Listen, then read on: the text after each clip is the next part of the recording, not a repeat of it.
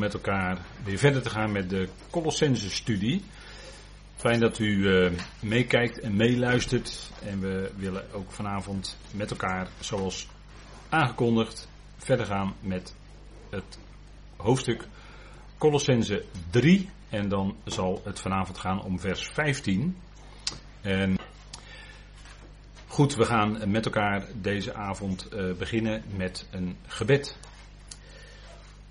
Vader, we danken u dat we zo deze avond van u mogen ontvangen. We danken u dat we dat woord weer met elkaar mogen delen.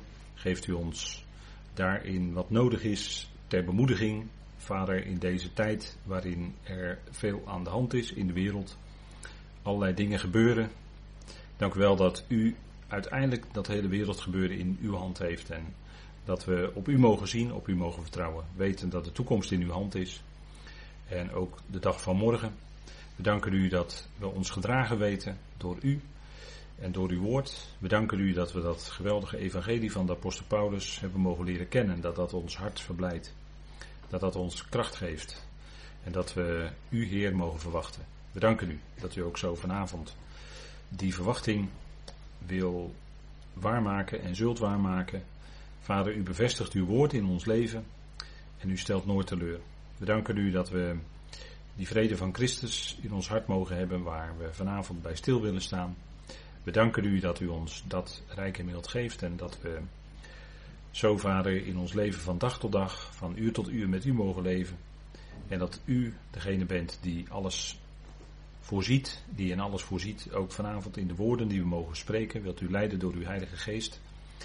En ook in ons hart, dat we de woorden die we horen uit uw woord in ons hart komen en daarin beklijven. Daarin die machtige vrede van u uitwerken. Vader, daar dank u voor dat u dat geeft. Dat u ons rijk maakt. We zien op u en we danken u daarvoor. In de machtige naam van uw geliefde zoon. Amen. Goed, ik wilde met u lezen een aantal versen uit Colossense 3. Even voor de tekstverband. En dat doen we vanaf vers 12. En ik lees u uit de concordante tekst. En er staat: Doe dan aan als Gods uitverkorenen, heiligen en geliefden, medelijdend mededogen, mildheid, ootmoedige gezindheid, zachtmoedigheid, geduld. Elkaar verdragend en wederzijds genade schenkend, in geval iemand tegen iemand een klacht heeft, zoals de Heer ook jullie genade schenkt, zo ook jullie. Doet over dit alles nu de liefde aan, die de band is van de rijpheid. En laat de vrede van Christus, waartoe jullie ook in één lichaam geroepen werden, scheidsrechter zijn in jullie hart en wordt dankbaar. Laat het woord van Christus rijkelijk in jullie wonen, in alle wijsheid, jullie zelf onderwijzend en vermanend, psalmen, lofzangen en geestelijke liederen zingend met dankbaarheid in jullie hart tot God. En al wat jullie maar doen, in woord of in werk, doet dit alles in de naam van de Heer Jezus Christus, God de Vader, dankend door Hem. Tot zover de lezing uit de tekst voor vanavond. En we kijken met elkaar naar het vijftiende vers, dat is vanavond aan de orde. En Even voor u dan, de volgende dia is een stukje structuur. Zoals we die kunnen vinden in een veelheid eigenlijk in de Companion Bijbel van Dr. Bullinger. En dat is altijd toch wel even, soms fijn om even dat even na te lopen. We zien hier een, even een overzichtje van hoofdstuk 3, waar het in het gaat is om onze wandel, ons gedrag. Onze roeping opgewekt met Christus oude mens afleggen. Dat is vers 1 tot en met 9. Vers 10 en 11 de nieuwe mens aandoen vers 12 tot 14. De gevolgen in de liefde, de band van de rijpheid. En dan, overeenstemmend met vers 1 tot en met 9, is dan vers 15, onze roeping in het ene lichaam van Christus. Dus er wordt ook gesproken over roeping, waarin Christus vrede regeert. En dan vers 16, het woord van Christus woont in ons. En dat stemt overeen met de nieuwe mens aandoen. En dan de uitwerking in liefde in de praktijk hoofdstuk 3, vers 17 tot en met 4, vers 1. En dat stemt overeen met 12 tot en met 14 van hoofdstuk 3. Gevolgen in de liefde. Dus even een wat eenvoudige structuur van dit stukje. En dan zien we dat eigenlijk Gods woord altijd zo wonderlijk in elkaar zit.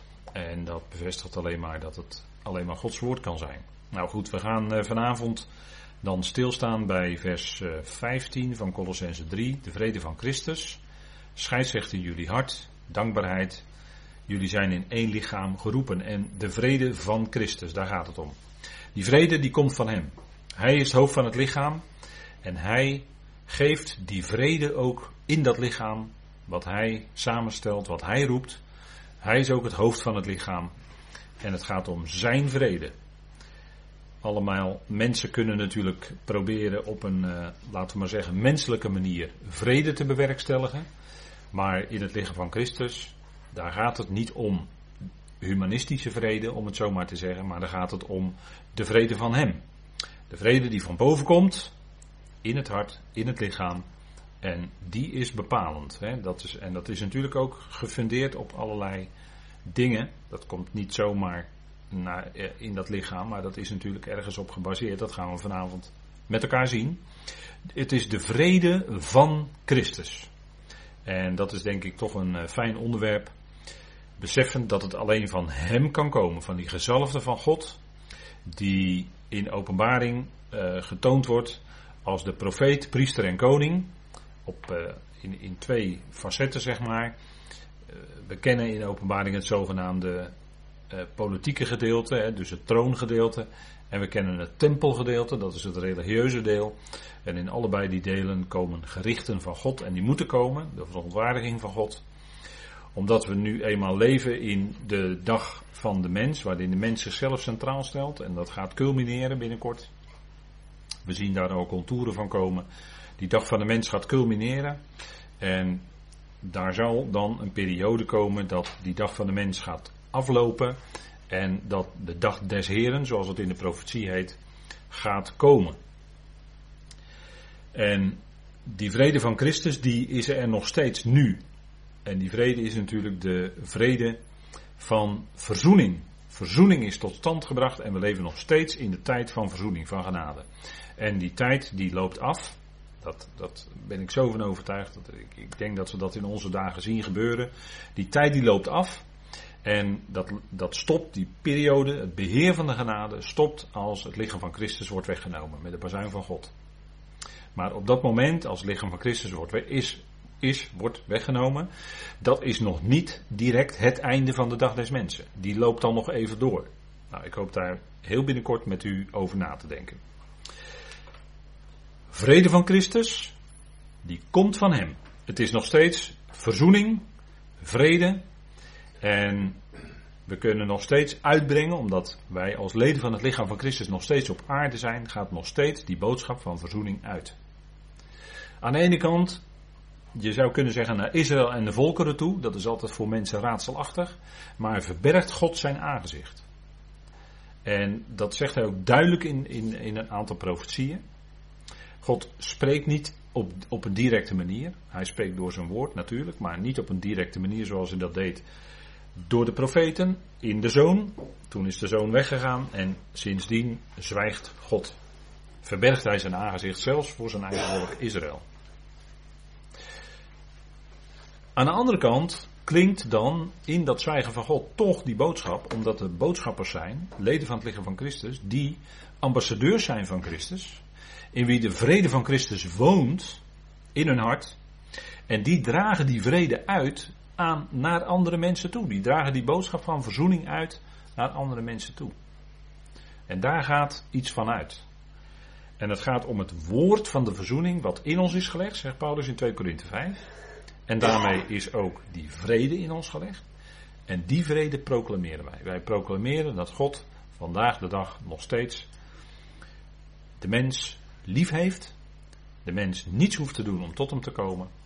Eenvoudigweg kan danken voor datgene wat God al in Christus, in zijn geliefde zoon, gedaan heeft. Die mens kan hem gewoon gaan danken.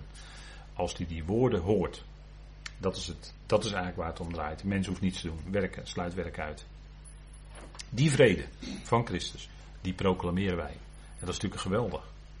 En die, die vrede van Christus die zou natuurlijk optimaal binnen dat lichaam van Christus ook geproclameerd en uitgeleefd worden. Nou goed, daar gaan we vanavond ook bij stilstaan.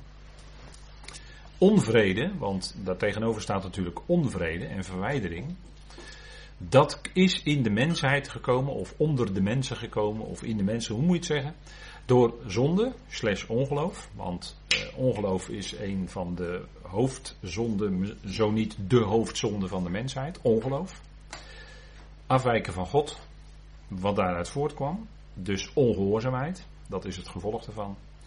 En een krenking, hè, die woorden worden door Paulus gebruikt als het gaat om de, wat Adam en Eva hebben gedaan in het begin. Die woorden gebruikt Paulus in onder andere Romeinen 5.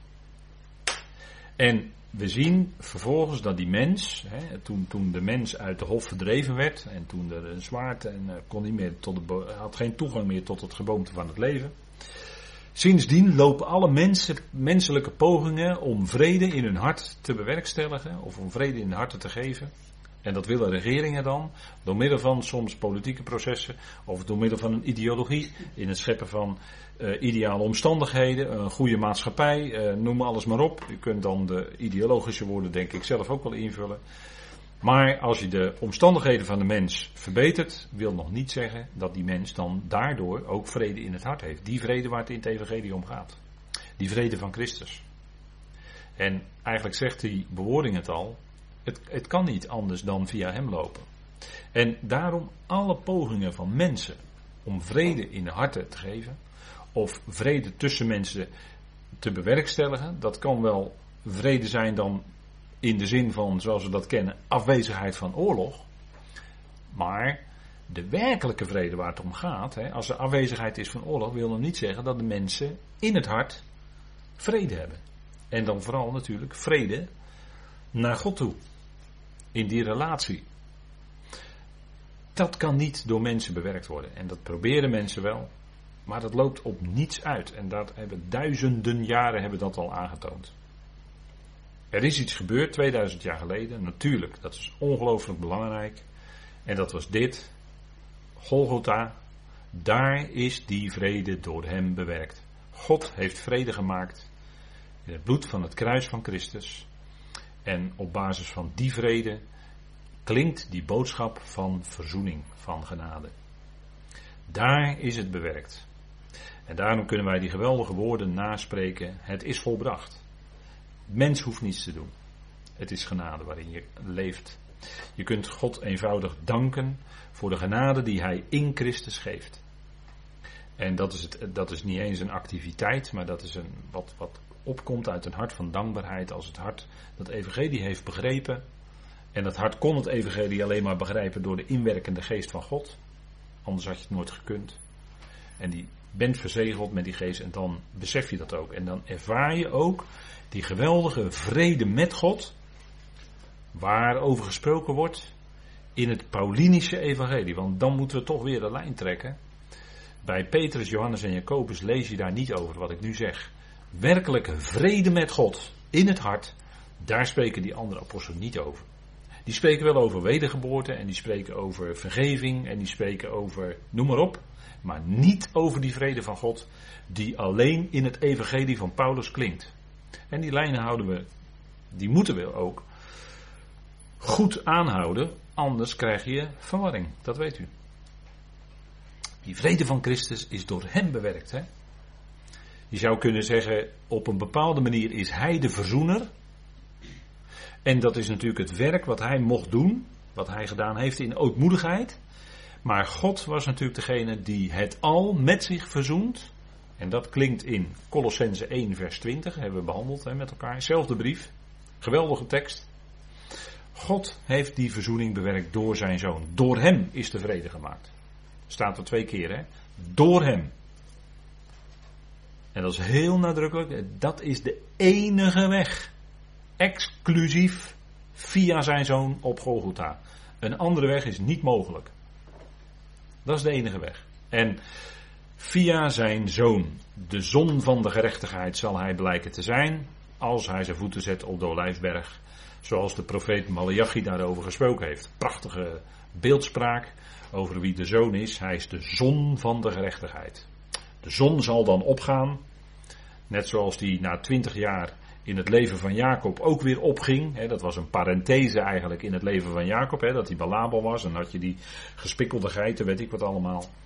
Al die toestanden. Uh, maar hij kwam met, met haven en goed kwam hij terug van oom Laban. 20 jaar. Dat is eigenlijk een type. Die 20 jaar is eigenlijk een type van de afgelopen 2000 jaar. Dat de gemeente geroepen wordt. Want aan het begin van die 20 jaar dat Jacob. Zeg maar via Lus. Hè, Lus. Lus zegt het al. Lus is een lus die je doet. Dat is een afwijking. Dat zegt het woord lus ook eigenlijk. En dan staat er dat de zon onderging. Het werd nacht. En na twintig jaar staat er dan, als Jacob bij de Jabok is geweest en de verzoening met Esau enzovoort. En dan lees je dat de zon weer opging. Dat, kijk, dat zijn dingetjes in de tekst, in de Hebreeuwse tekst, die staan natuurlijk niet voor niks. Dat zijn markeringen, daar moet je op letten. Er staat natuurlijk geen woord te weinig of geen woord te veel in die tekst. Dus daar moet je op letten, waarom staat dat daar? Nou, die parenthese hebben wij nu ook in Gods heilshandelen met Israël. Die tussengeschoven periode zou je kunnen zeggen. Waarin de gemeente het lichaam van Christus geroepen wordt. 2000 jaar lang. Twee dagen. En we staan op de rand dat die derde dag voor Israël gaat beginnen. Die derde dag uit Hosea 6. Daar hebben we bij openbaring ook uitdrukkelijk over gesproken. In verband met de duizend jaren. En dat zijn gewoon dingen die eigenlijk als je de schriften volgt, dan kun je eigenlijk niet tot een andere gevolgtrekking komen. En in die 2000 jaar spreekt God verzoening. En wij zouden als leden van het lichaam van Christus ook verzoening spreken. Niet alleen met onze mond, maar ook met ons gedrag. Vrede komt in de mensen door. Ja, hoe komt die door? We hebben er net gezien het ongeloof, de zonde, de ongehoorzaamheid en de krenking. En daar tegenover staat het geloof van Christus. Want daar gaat het om. Het gaat niet om ons eigen geloof, het gaat om het geloof van Christus. Het gaat om zijn gehoorzaamheid. En het gaat ook om zijn liefde, dat is bepalend. En dat wij daar vervolgens deel aan krijgen, is genade. Het is een werk van de geest. Van God. En dan, ja, net zoals het plaatje dat zegt, dan gaat de zon op ook in je hart. Hè, dan gaat het licht aan. En dat is geweldig als het licht aan is in je hart. Dan erken je ook die waarheid. Hè, want we zeggen wel vaker tegen elkaar, met waarheid komt ook licht. Al wat openbaar maakt is licht. En dan zie je ook hoe het zit. Dan zie je dus wat de waarheid is. En we leven vandaag natuurlijk in de boze dag. We leven vandaag in de boze eon. En we leven zelfs in de tijd van de culminering ervan. En dan is de duisternis heel dik, wordt de duisternis steeds dikker. Maar u weet, tegen het ochtendgloren is de duisternis het dikst, om het zo maar te zeggen. Hè? En dan weet je dat dat licht gaat doorbreken. Dan weet je dat die ochtend gaat komen. Want tijd is altijd in het voordeel van God. Tijd is altijd in het voordeel van God. Er is een tijd om te. En dan zegt prediker 3 ook op een gegeven moment vrede. Dan is er ook een tijd van vrede. En dat is nu. En er zal een korte tijd komen dat het anders is. Maar ook die tijd moet er zijn voor Gods wegen. Dat moet er komen. Dat kan niet anders. En dan daarna heb je weer een periode. Ook opnieuw van vrede, maar dan op een toch wat andere manier. Onvrede in het hart komt, dat is een ervaring van de mens. Dat is een ervaring van de mens. Onvrede in het hart komt door onzekerheid. En uh, meestal is het de resultaat van onzekerheid angst. Angst, wat gaat de toekomst brengen? Angst, wat gaat dit of dat, wat, wat in de wereld rondgaat, wat gaat dat doen? Angst. Mensen zijn angstig, mensen zijn onzeker. En u weet, u weet misschien wel wat er fysiologisch in een mens gebeurt. Als hij angstig is, dan is een bepaald deel van de hersenen wordt dan, ja, is, uh, daarin zit de angst, zeg maar. En dat, zorgt, uh, dat heeft invloed op je hele hormoonhuishouden van de mens als je angstig bent. Dus dat heeft best wel consequenties. En als een mens overheerst wordt door angst, is hij ook niet meer in staat om gewoon helder te kunnen nadenken, om even rationeel een aantal dingen gewoon op een rij te zetten zoals die zijn. Dat is dan niet mogelijk. Daar zit dan iets tussen en dat komt niet bij elkaar. Dat zeggen deskundigen die het kunnen weten. En dat is een probleem, hè, want als je, als je overheerst wordt door angst voor iets, dan ben je niet in staat om uh, nuchter te kunnen zien wat het in werkelijkheid is. En dat is het punt waar mensen last van hebben. Angst en onzekerheid brengt dus ook onvrede in het hart. En ook een vorm van onmacht. En vanuit die onmacht kunnen mensen dan heel agressief reageren. Zo, zo, zo werkt dat dan. Hè? Het punt is dat voor ons als gelovigen uh, is natuurlijk wel iets anders. Wij hebben in ons hart die geest van God gekregen. Romeinen 5, hè. u kan de teksten natuurlijk ook opnoemen. Wij hebben die geest van God in ons hart gekregen en daarmee ook die liefde van God. En in Gods woord wordt duidelijk gemaakt dat die liefde van God, die verdrijft angst. Zegt Johannes 1 en Johannes 4. De liefde van God drijft de vrees uit. Dat wil niet zeggen dat het even zo instant, zoals je koffie kan maken. En je laat uh, water door een filterzakje lopen en je hebt koffie. Zo gaat het niet met angst hoor. Met angst dat kan jaren duren in een proces. Dat stukje bij beetje die angst wordt afgebouwd in een mens. En dat die geest van God en dat die liefde van God steeds meer in die mens doordringt. Steeds dieper doordringt. En dat daardoor die vrees voor. Je kunt voor van alles bevreesd en beangst zijn. Je kan zo gek, uh, ja, sorry dat ik het even zo moet zeggen, maar je kan zo gek niet bedenken of je kunt daar angstig voor zijn. En uh, we zouden dat ook, als we bij andere mensen dat horen, van andere mensen dat horen, of bij andere mensen merken, dan zouden juist wij als gelovigen daar in veel liefde en met heel veel begrip mee omgaan. Want dat is, dat is bij mensen een enorm probleem. En dat kan alleen maar door die liefde van God, als God het dus geeft, want dat kan ook bij gelovigen spelen. Gelovigen kunnen ook angst hebben, hevige angst hebben zelfs. En dan zijn het gewoon, net als ieder ander gewoon gelovig hoor, maar je bent mens. En het kan best zijn dat God met jou dan door iets heen gaat, stapje voor stapje. En dat die angst dan in jouw leven wordt afgebouwd. Dat kan. Nou, wees je dan bewust, hè. Voor ons als gelovigen is toch iets geweldigs. Paulus geeft ons in Filippenzen 4 vers 7, hebben we natuurlijk behandeld, maar dat is geen reden om daar niet opnieuw bij stil te staan. Filippenzen 4 vers 7. Het bekende wat Paulus ons aanreikt is dat we alles met gebed en smeekbeden, met dankzegging, bekend mogen maken bij God de Vader. En dan gaat dat onrustige denken, hè, want het gaat juist in Filippenzen 4 over dat denken. Hè. Oh, dat denken van de mens toch, dat denken van de mens. Dat kan hem zo bepalen. Terwijl die woorden van God zoveel rust en zoveel vrede in je kunnen geven. Dat, dat is wat God doet. Hè. Paulus dankt daar in Filippenzen 4. Hè. Met dankzegging zegt hij. Omdat we ons heel diep bewust zijn en stap voor stap als gelovigen steeds meer bewust worden dat God het is die alles in ons leven doet samenwerken tot wat goed is. Kijk, het is God. Dat we zeggen, dat is, dat is degene die liefde is. En als we het woord God even terugbrengen vanuit de, de grondtekst, is dat Hij die de plaatser is. En wij kunnen als gelovigen, en dat doen wij ook als gelovigen, erkennen wij God als God. Dat doe je als je dankt voor datgene wat in jouw leven plaatsvindt. En je steeds meer gaat erkennen als mens dat God het is die dat in jouw leven plaatst. En dat kan heel moeilijk zijn. En mensen kunnen daar dan direct hun bezwaren tegen inbrengen. Maar het neemt niet weg dat God zijn plan uitwerkt. Dat Hij God is, dat Hij de plaatser is en dat Hij tegelijkertijd liefde is. En dat Hij datgene in jouw leven plaatst en ook in mijn leven plaatst wat Hij op dat moment nodig acht. Ook nu, vandaag, ook als u dit hoort. Dan is God het die al die dingen, al die omstandigheden in uw leven tot nu toe heeft geplaatst. En ook die omstandigheden die nog gaan komen.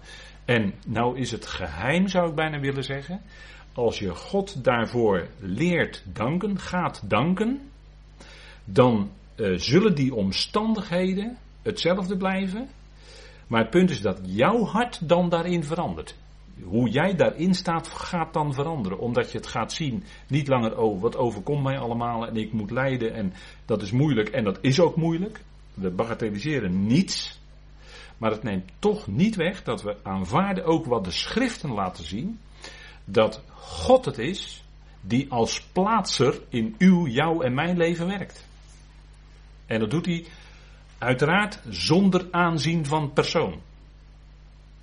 Want we zijn mens en hij is de schepper. Wij zijn mens en hij is God, de plaatser. En we eren en verheerlijken en willen hem danken als God. He, hele duidelijke woorden uit Romeinen 1, vers 21. En ik denk dat dat fijn is als je dat realiseert. Als je dat erkent. dat is epignosis. Als je dat erkent. Als je steeds meer erkent, ja vader, wat u doet in mijn leven. Het is moeilijk en toch dank ik u ervoor. Want ik weet dat wat u doet, dat is uiteindelijk toch goed. En kort geleden hoorde ik daar een fijne toespraak over. En toen dacht ik van ja, kijk, dat is het. Dat is het. Fijn, fijn om die dingen te horen. Even zo, echt zo vanuit de schrift aangereikt gekregen. En als je dat bewust bent, dat, dat God het is die dat doet, hè, die dat uitwerkt. En die doet alles samenwerken tot wat goed is. Alles. Dat is juist het punt. Hè? Kijk, het goede, dat is al goed. Maar het, in feite doelt Paulus dan natuurlijk in Romeinen 8, vers 28 op dat wat tegenzit. Dat wat wij ervaren als kwaad. Of als slecht, vanuit menselijk oogpunt gezien. Wat ons overkomt. Nee, God doet alles, staat daar. Samenwerken tot wat goed is. Hij doet dat samenwerken, want hij is God en hij heeft al die touwtjes in handen, ook in ons leven. En die werken iets uit. En wij, zijn, wij kijken. Borduurwerk, korriet en boom, dat weet u genoeg hè. Wij kijken tegen die onderkant aan, maar God werkt het uit. En, en dat is het geheim eigenlijk van Filippenzen 4 vers 7. Dat we alles met gebed en smeking, en je smeekt elke dag, misschien wel voor je kind dat het anders wordt, of in je eigen leven dat het anders wordt. Totdat je tot besef komt, nee vader, nee vader, het is goed. Het is goed wat u doet in mijn leven. En dat is geen eenvoudige weg, maar het is wel de weg waarin jouw onrustige hart, jouw angstige hart, jouw onrustige gedachten, die zich steeds misschien maar opstapelen met van alles en nog wat, dat die tot rust kunnen komen. En dat, dat, dat wens ik en bid ik u zo toe. Dat u dat gaat ervaren. Dat is iets geweldigs. En dan ga je niet die, alleen die vrede met God, nee, veel meer. Dan ga je de vrede van God ervaren in je leven, in je hart. En dat is denk ik erg fijn. En dan gaat die zon die ik hier op dit plaatje heb, met, met die, eh, dat zijn klaprozen denk ik. Die zon die gaat dan in jouw hart schijnen. En die blijft dan, die gaat dan steeds, die warmte, want de zon geeft natuurlijk niet alleen licht, maar ook warmte. En dat is die liefde van God. En dan, dan is dat licht in je hart en dan, komt, dan, gaat het je hart ook verwarmen. En dan kun je ook die warmte aan die ander doorgeven. Doordat je misschien gewoon maar, en dan zeg je het is heel gewoon, maar in deze tijd is het misschien toch wel bijzonder. Doordat je gewoon maar misschien eens een moment een luisterend oor biedt aan iemand.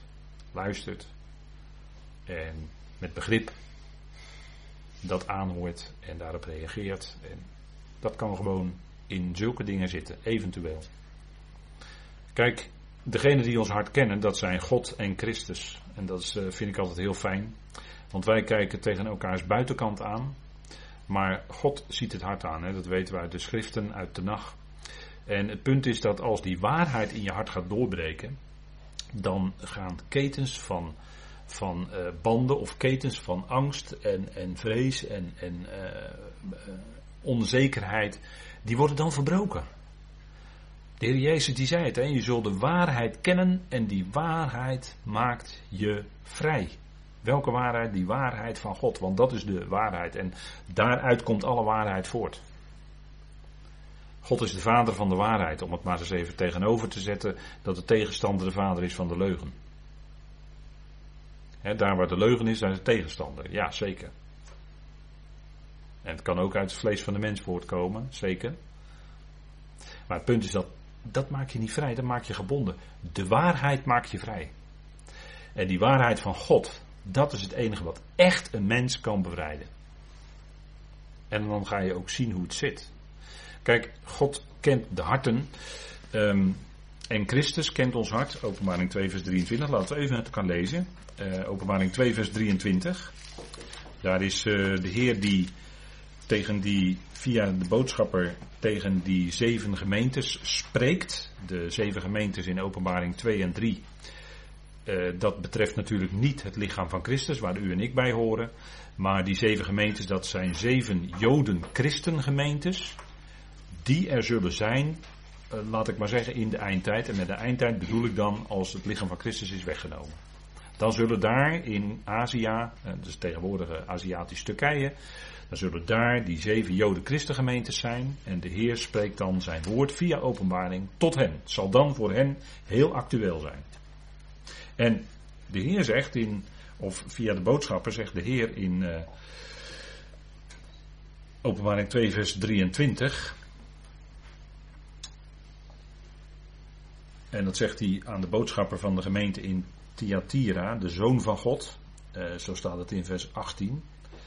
En dan zegt hij, uh, we gaan even verder direct naar vers 23. En haar kinderen zal ik door de dood ombrengen. En alle gemeenten zullen weten dat ik het ben die nieren en harten doorzoek. En ik zal u geven en ieder naar uw werken. Dus de Heer is het die de nieren en het hart doorzoekt. Nou, de nieren staat ook voor uiteraard voor de, als beeldspraak voor de ingewanden. Heel diep weg in de ingewanden. In het binnenste van de mens zitten de nieren, die, doen daar, die hebben daar zo een functie natuurlijk. Maar de Heer is het die zegt, ik, ik ben het die de nieren en de harten doorzoekt. Dat wil zeggen, hij kent je van binnen, hij kent je hart, hij kent je binnenste, hij kent al je overwegingen, hij kent wat je meegemaakt hebt, hij kent je gedachten. Want gedachten en verstand hebben ook te maken direct met ons hart. En dat zullen we nog zien, wat er allemaal met ons hart te maken heeft. Nou, de Heer, en dan hebben we ook Handelingen 15, vers 8. Dat wil ik ook even met u opzoeken. Handelingen 15, vers 8. Daar wordt ook iets gezegd over God.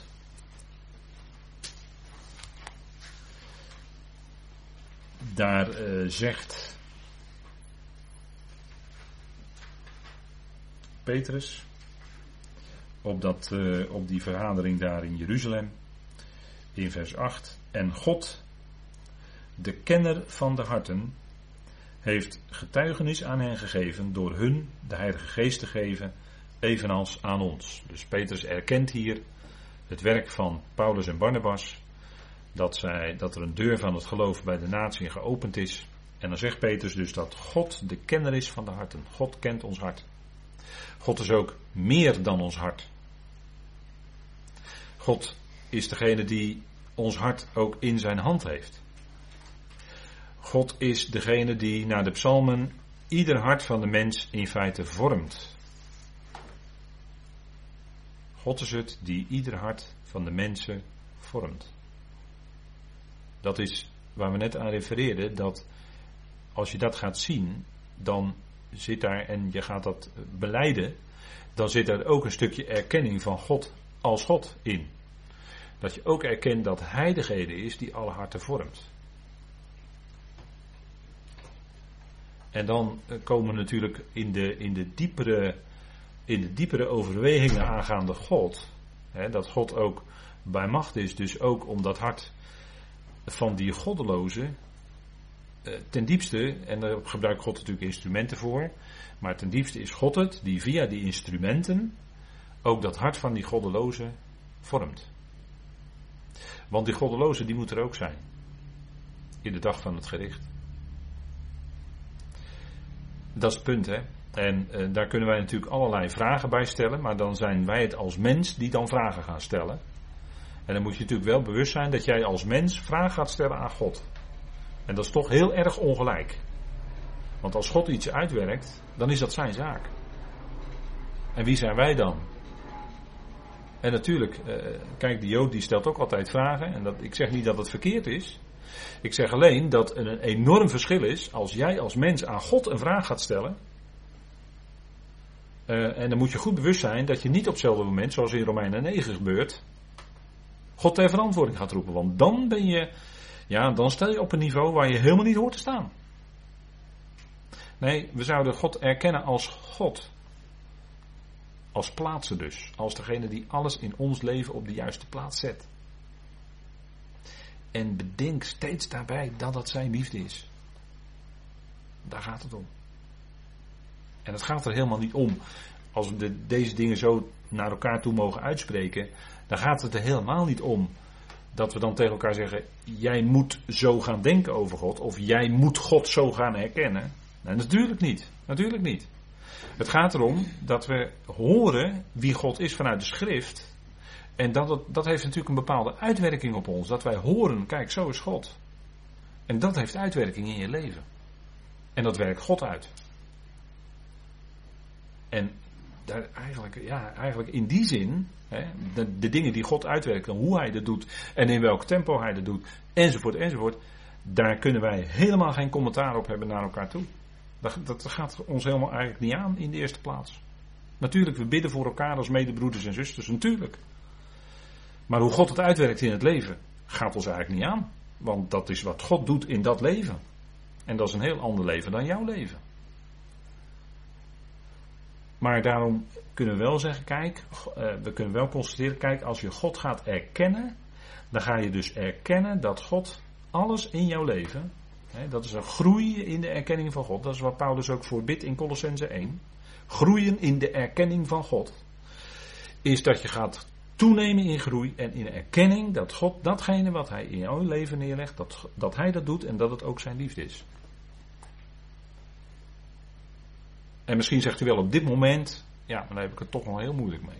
Ja, ja goed. Dan zeg ik, praat er met God over. Spreek er met vader over. Zeg het gewoon tegen hem dat je er moeite mee hebt. Hij weet het.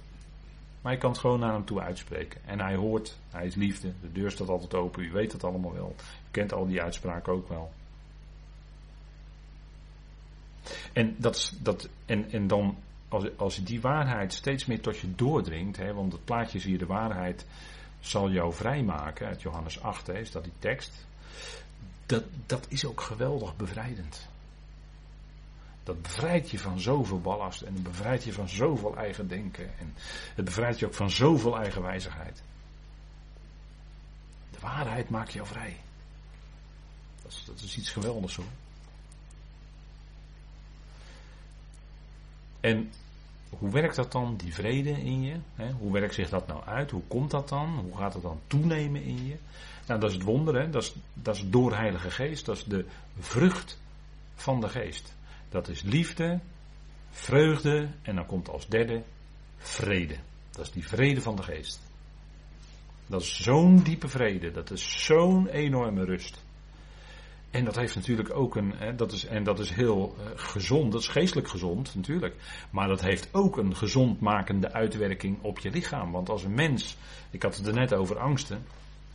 En als een mens voortdurend maar in zijn leven onder stress of angst zit, dan heeft dat lichamelijke gevolgen. Dat kan de psycholoog u zo vertellen. En de psychiater helemaal. En als dus een mens komt in die ontspanning, in die vrede van God, in die liefde van God. Als dat in een mensenleven gaat doorbreken en gaat doorwerken. Dan kan het best zijn dat, dat lichamelijke klachten gaan verdwijnen. Gewoon omdat het, dat het lichaam ook weer tot rust kan komen, omdat die stress verdwijnt.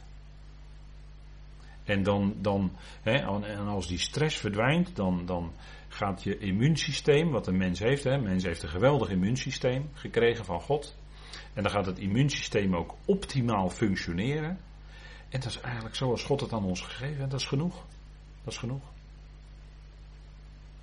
En uh, ja, dat is, dat is hoe, die, hoe die wonderlijke vrede van God in mensenlevens uitwerkt. Hè.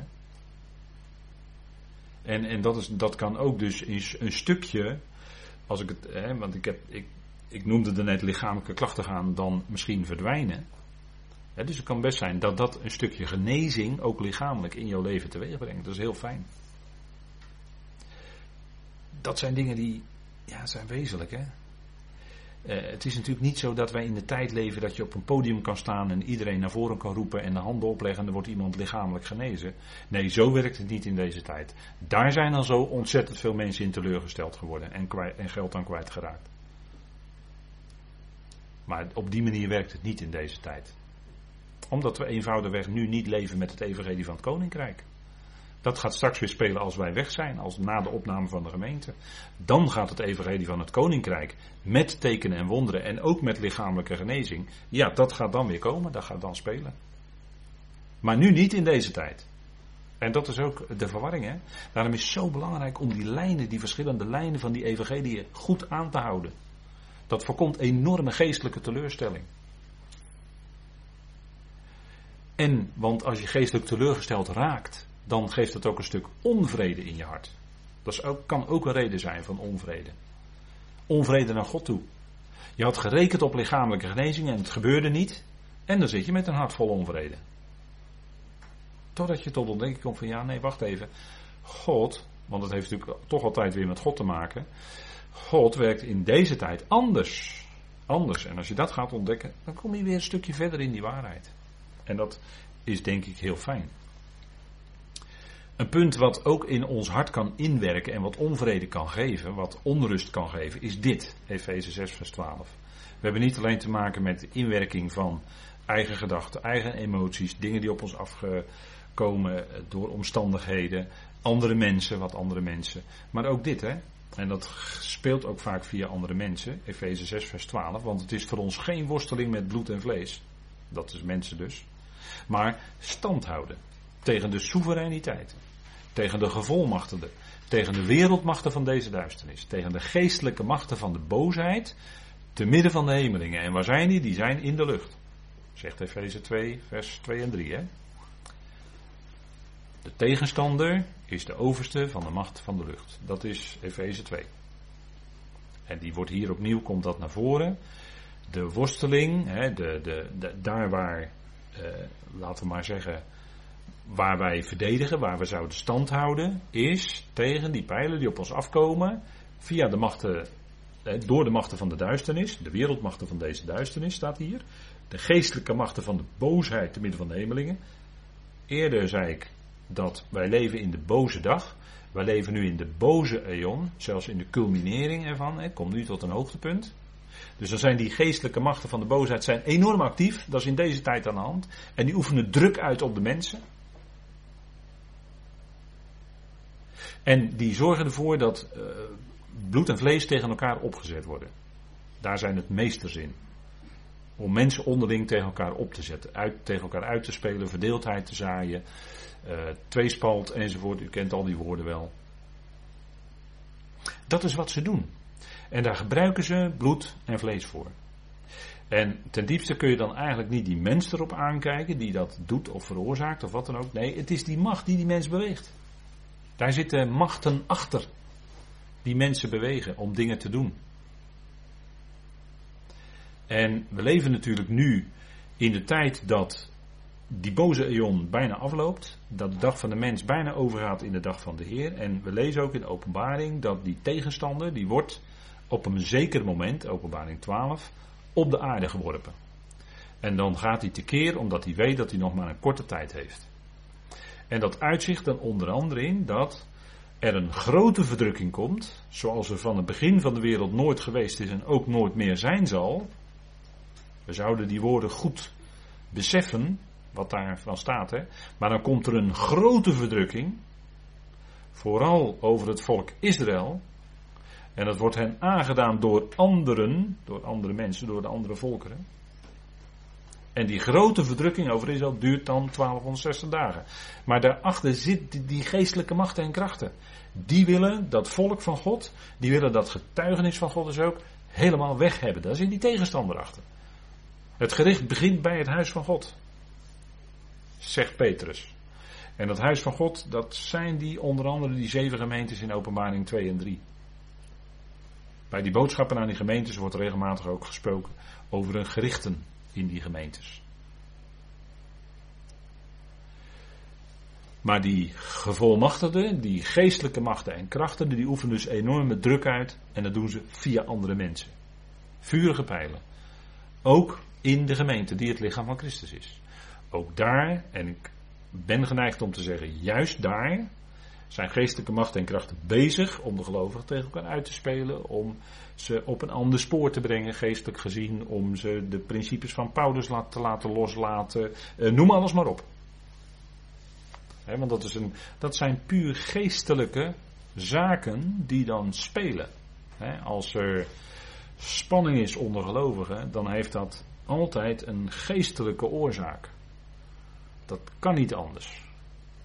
En dat werkt zich uit door bloed en vlees heen. En wat wij als gelovigen zouden doen is dan stand houden. Staan. Dat zijn ook woorden die in dit stukje Efeze 6 gebruikt worden.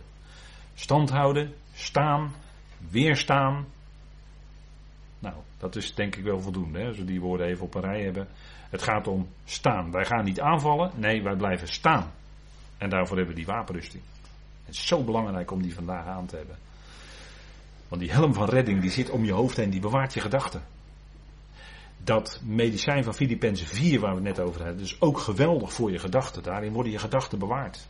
En God geeft dan die helm van redding, die jouw gedachten bewaren, want het zit om jouw hoofd heen. En dat heb je zo nodig in deze tijd, waar via allerlei kanalen allerlei dingen op je afgevuurd worden. Om jouw hart te treffen, om jou onrustig te maken van binnen. Want het gaat om de vrede van Christus in Colossense 3 vers 15. Dat die in ons hart scheidsrechter is, arbiter is. En dat is niet voor straks, maar dat is voor nu. We zitten nu, om het zo maar te zeggen, nog vol in die wedstrijd. En dat duurt totdat er zijn gaat. De tegenwerker, de machten, die willen ons verstoren. Onaangename situaties. Ik heb op deze dia wat, wat punten gezet. Hè. Onaangename situaties. Verdachtmakingen. Dat kan ook soms heel subtiel zijn, hè, via via. Verdachtmakingen. Vijandschap. Het vlees of de ziel wordt gevolgd in het leven. En dat kan ook in jouw persoonlijk leven zijn, dat je de weg van het vlees of de weg van de ziel volgt. En daar kun je dan neerslachtig van worden. En dan komen de pijlen van twijfel, van onzekerheid, van noem maar op. Verdeeldheid kan ook innerlijk komen in je hart door dat wat je ingefluisterd wordt. Verdeeldheid kan natuurlijk ook komen, wat ik daarnet zei, onder gelovigen. En dat zijn de tegenwerken, dat zijn de machten die je willen verstoren. Je komt in een onaangename situatie terecht. En hoe moet je daarin reageren? Paulus geeft aan stand houden. Blijven staan. Je staat op dat lotdeel, blijf staan. Geestelijk gezien. Het is ook geestelijk gezien een lotdeel, dat is natuurlijk beeldspraak. We hebben een lotdeel boven, te midden van hemelingen. Verdachtmakingen. dat is altijd wat tegen uh, mensen die uh, iets met het, uh, ja, die, die het evangelie brengen, evangelisten of, of mensen die met, de, met het woord bezig zijn, of mensen die bepaalde dingen doen in de gemeente. En dan kunnen daar verdachtmakingen uh, komen. En die verdachtmakingen, dat is soms uh, vuig, vuig een beetje oud woord. Hè? Lage, gemene, laag of gemene laster. Hè, kan, verdachtmakingen. Dingen die niet waar zijn, maar wel gezegd worden. Tegenwoordig noemen ze dat in de media framen. Dan wordt iemand geframed. Dat is een verdachtmaking. Er gebeurt heel veel nu. Dan gaat het niet meer om de inhoud, maar het wordt verlegd naar het frame. Dat, dat is een bepaalde tactiek die gebruikt wordt. En ik, ik, ik ben geneigd om te zeggen, daar is een bepaald woord voor. Maar ik ben geneigd om te zeggen dat is de tactiek van de tegenstander. Dus om de aandacht te verleggen van de inhoud naar iets eromheen, een frame. Er gebeurt heel veel hoor in deze wereld. Dus daar moet je heel goed op letten. Vijandschap. De tegenwerker is erop uit om te zaaien. En wat zaait hij het liefst? Ondergelovigen? Vijandschap. Dat eh, gelovigen uit elkaar gedreven worden. En dat heeft, eh, ik zeg de tegenstander, dat is geestelijk, dus het heeft altijd een geestelijke oorzaak. Die dingen. Want als je één front vormt, als, als, bijvoorbeeld als gemeente of als groep of wat dan ook. Als je één front vormt, ja, dat vindt tegen, om het zo maar te zeggen, dat vinden tegenstanders helemaal niet fijn. Dus die wil daar natuurlijk gaten inschieten. Die wil daar verdeeld eh, enzovoort. En die wil dan ook graag bevorderen dat daarin de weg van het vlees, want het kan ook in, in groepen gebeuren dat men liever de weg van het vlees wil volgen, of de weg van de ziel wil volgen, in plaats van de geestelijke principes zoals die daar zijn, volgen. Dat kan ook. Ja, en dan raak je uh, van het spoor af, om het zo maar te zeggen. Dan raak je het spoor bijster. En dat is het punt, hè? dat is wat tegenstanders wil doen. En dat brengt ook dan onvrede in harten. Als het in een groep gebeurt, brengt dat in veel harten dus onvrede. Dat kan. En, en dat is wat we daarin vasthouden aan die weg die God geeft. De weg die hij gewezen heeft en die hij wijst. dat zegt uh, Paulus ook in Filippenzen. En het punt is dat we een geweldige verzekering hebben van de apostel Paulus. Want God heeft ons niet een geest van schroom gegeven, maar van kracht. Hè, dat is die dynamis van het evangelie. En van liefde en van verstandigheid. En als, ik, als je kijkt naar die drie begrippen, dan is dat niet emotie. Emotie is iets van de ziel.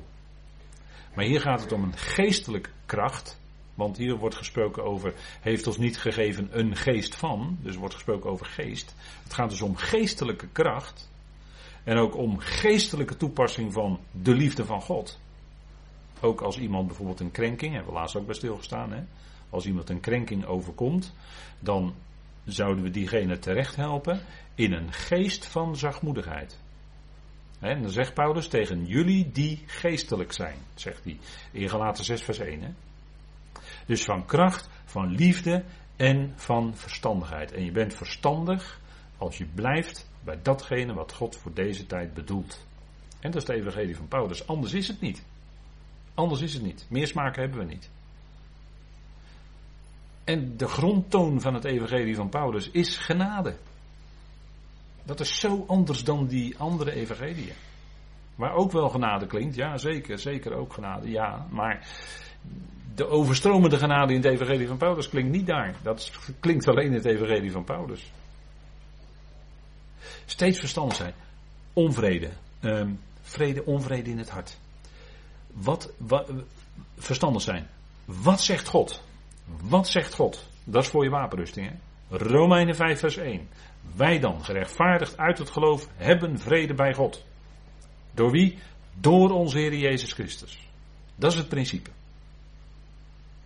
En dat betekent dus niet een kunstmatige vrede willen bewerken zonder Christus. Nee, het is altijd die vrede van God door onze Heer Jezus Christus. En dat is de lijn die we zouden volgen. En we kunnen met kracht uitkomen voor datgene wat God zegt. En dat doen we in liefde, want het is ook een geest van liefde. En dan kun je in gesprek en dan kun je met mensen, met medegeloven, kun je de waarheid spreken in liefde. En waar nodig kun je dat ook met kracht doen. En verstandig, rustig blijven en uitleggen wat zegt God. Wat bedoelt God daarmee? Dat zijn, denk ik, de dingen, de wezenlijke dingen voor ons. Hè. Hij is die ons die vrede geeft. En dat geldt ook, ik heb het nu even wat misschien naar gemeenteverband toegebracht. Lokale gemeente of wat wijder misschien. Maar dat geldt natuurlijk ook heel persoonlijk. Als er in jouw persoonlijke hart onvrede is, om welke reden dan ook, of als gevolg waarvan dan ook, dan is het verstandig om je weer opnieuw bewust te zijn van die woorden van God. Niet af te gaan in de eerste plaats op jouw gevoel of jouw emotie. Nee, wat zegt God? Wat zijn de feiten van het evangelie? Hoe sta ik ervoor? Je staat er altijd goed voor bij God. Wij dan gerechtvaardigd uit het geloof, dus geloof van Christus, hebben vrede bij God door onze Heer Jezus Christus. Daar gaan we vanuit. En God is een genade God. Dat is een grondtoon bij Paulus. En dat klinkt ook verderop in de Romeinenbrief. Hè, en ook in Thessalonica. Maar goed, eh, we gaan even een moment met elkaar pauzeren. En dan gaan we straks weer met elkaar verder.